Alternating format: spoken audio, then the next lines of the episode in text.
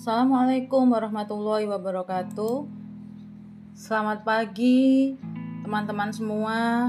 Kembali lagi di sesi ngopi, ngobrol bareng Ika Pinky. Nah, pada pagi hari ini saya akan sharing tentang mengenal inner child yang menetap hingga dewasa. Inner child merupakan salah satu istilah psikologi yang akhir-akhir ini sering sekali dibicarakan. Banyak orang membicarakan tentang inner child. Bahkan banyak juga orang yang sering mengatakan bahwa tindak tanduk seseorang terbentuk karena inner child di dalam dirinya. Ada ungkapan, orang itu kekanak-kanakan banget sih. Aduh, pacarku posesif banget sih dia kalau di rumah sukanya main game terus. Nah, sebenarnya apa sih inner child itu?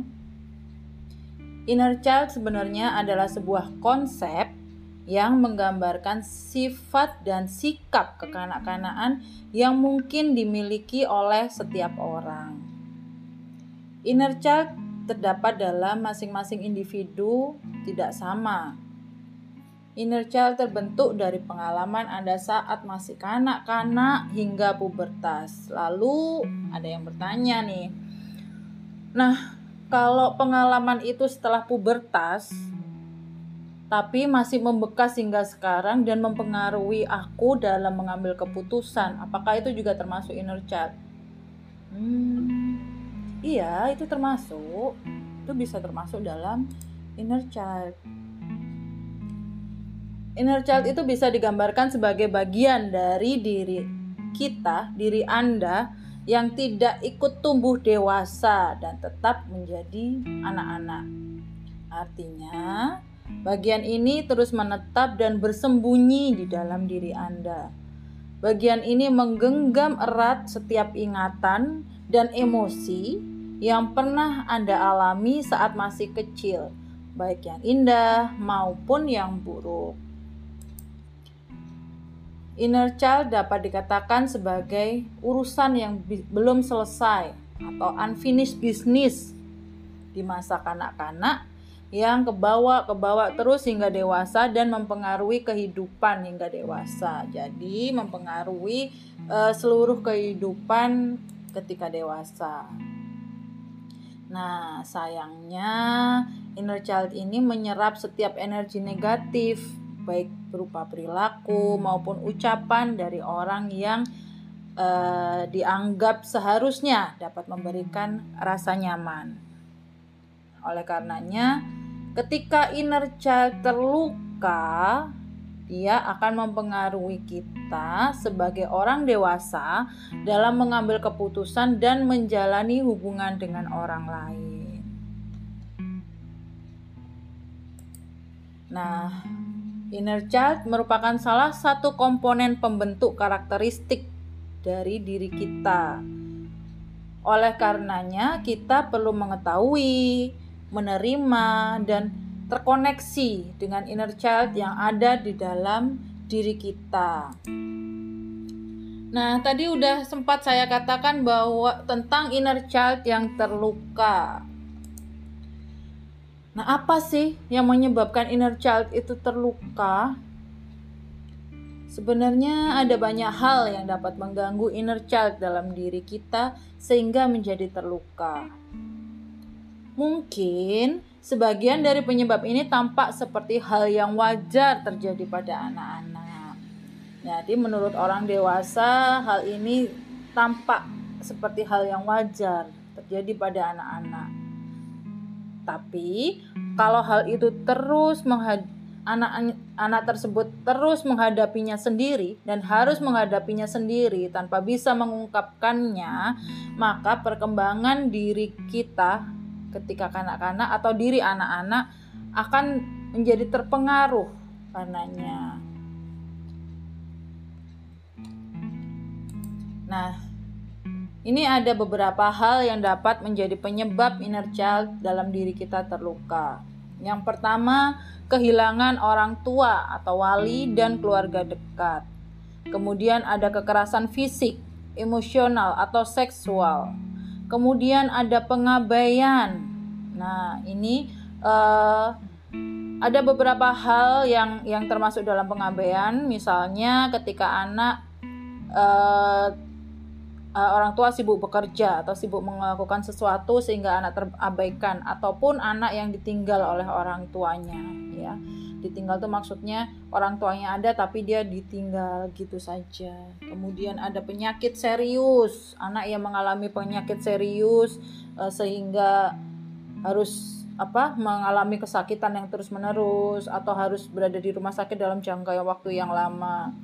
Kemudian ada perundungan atau bullying kemudian ada kejadian gempa bumi atau bencana alam lainnya ada perpecahan dalam anggota keluarga ada anggota keluarga yang menyalahgunakan alkohol dan obat-obatan terlarang. Kemudian terjadinya kekerasan dalam rumah tangga. Ada anggota keluarga yang memiliki gangguan mental dan hidup di pengungsian dan terpisahkan dari keluarga. Sehingga ada uh, peristiwa-peristiwa itu tadi ya menyebabkan inner child itu terluka. Kemudian ketika anak mengalami peristiwa-peristiwa tadi dan tidak bisa mengungkapkan apa yang ia rasakan pada orang dewasa sehingga kejadian itu terbawa hingga dewasa. Jika pernah mengalami salah satu kondisi di atas dan harus menghadapinya sendiri, maka kemungkinan inner child yang terdapat dalam diri Anda, diri kita, mungkin bisa jadi sedang terluka. Saya tidak pernah mengalami satupun peristiwa yang tersebut di atas, tapi saya merasa punya luka batin yang sangat mempengaruhi dan mengganggu saya. Nah, itu ada pertanyaan yang disampaikan kepada saya bahwa, uh, Ibu, saya tidak pernah mengalami satupun peristiwa yang tersebut di atas, tapi saya ini loh merasa punya luka batin yang sangat mempengaruhi dan mengganggu saya. Bagaimana dengan hal tersebut? Oke, tunggu.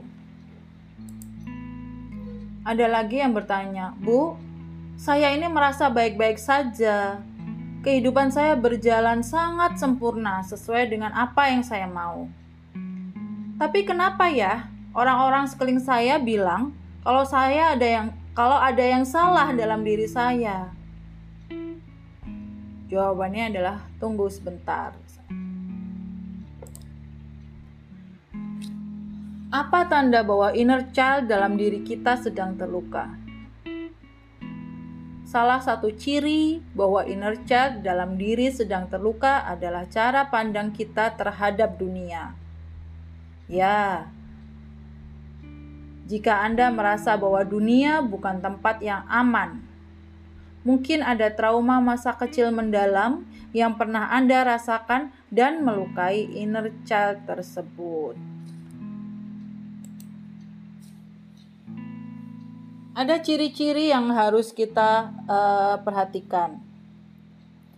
Yang pertama adalah merasa ada yang salah dengan diri kita.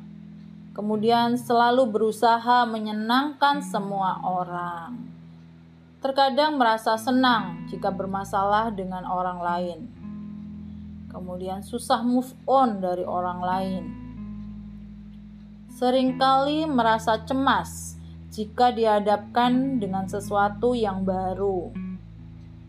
Mempunyai rasa bersalah jika memberikan batasan pada diri atas diri kita kepada orang lain. Kemudian selalu berusaha untuk menjadi yang terdepan.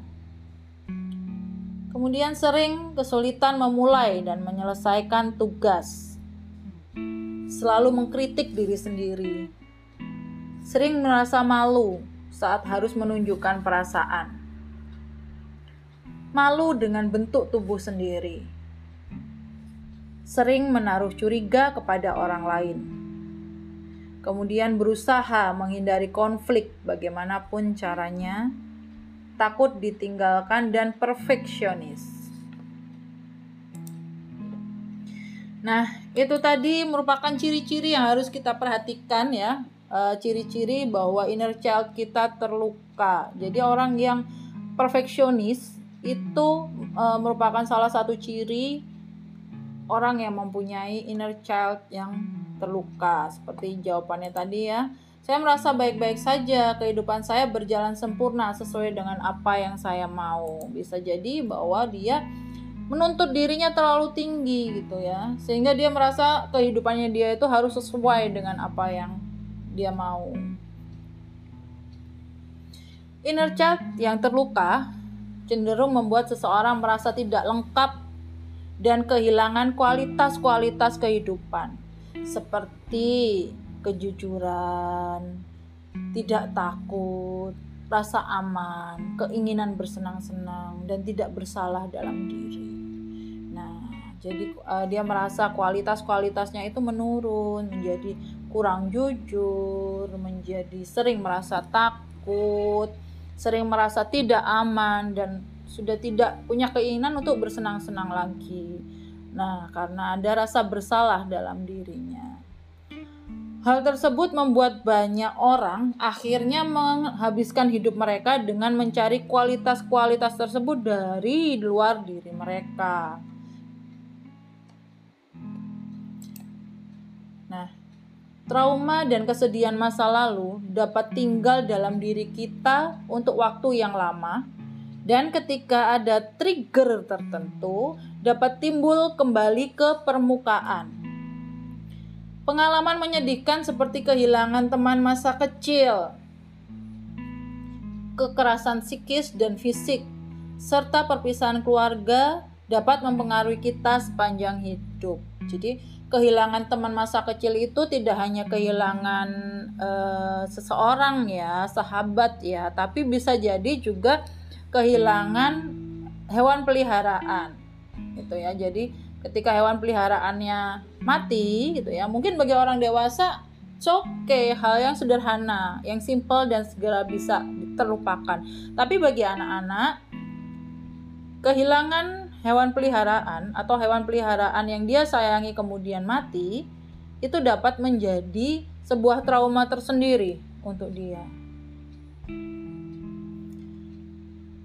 kalau tidak benar-benar berdamai dengan inner child, kesedihan dan trauma dapat terus timbul sewaktu-waktu, bahkan ketika kita merasa telah melupakannya. Jadi kalau kita misalnya ya walaupun kita telah merasa melupakannya, tapi kita tidak benar-benar berdamai dengan inner child, maka e, peristiwa tersebut dapat timbul sewaktu-waktu ketika ada trigger tertentu. Nah, jadi, melupakan saja tidak cukup ya, Mam. Padahal saya merasa sudah cukup melupakan segala peristiwa masa lalu. Saya juga merasa sudah move on. Lalu, apa ya yang bisa dilakukan ketika inner child itu terluka? Oke, pertanyaannya kita simpen dulu. Nah, kita akan berkenalan dengan inner child nih. Yuk, uh, kita praktek juga.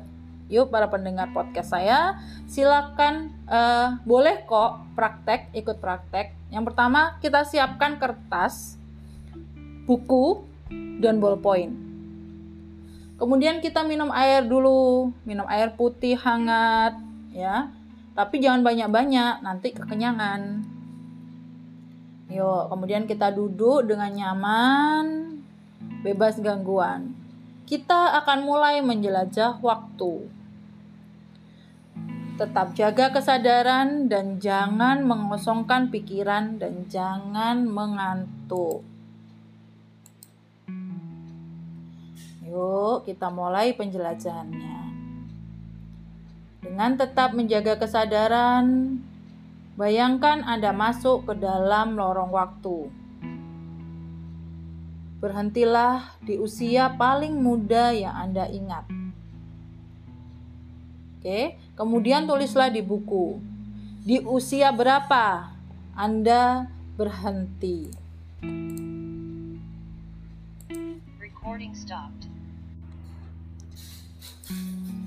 Ya, berhentilah di usia yang paling muda yang Anda ingat.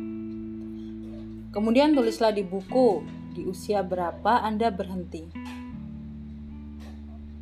Kenali peristiwa apa yang terjadi di usia itu yang paling Anda ingat.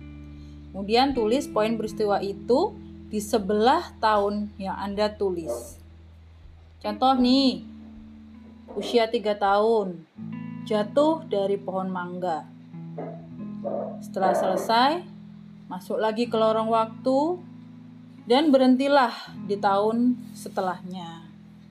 Nah, lakukan itu berulang-ulang hingga Anda mengenali peristiwa-peristiwa di masa lalu yang akan mempengaruhi keputusan kita atau kehidupan kita setelah dewasa.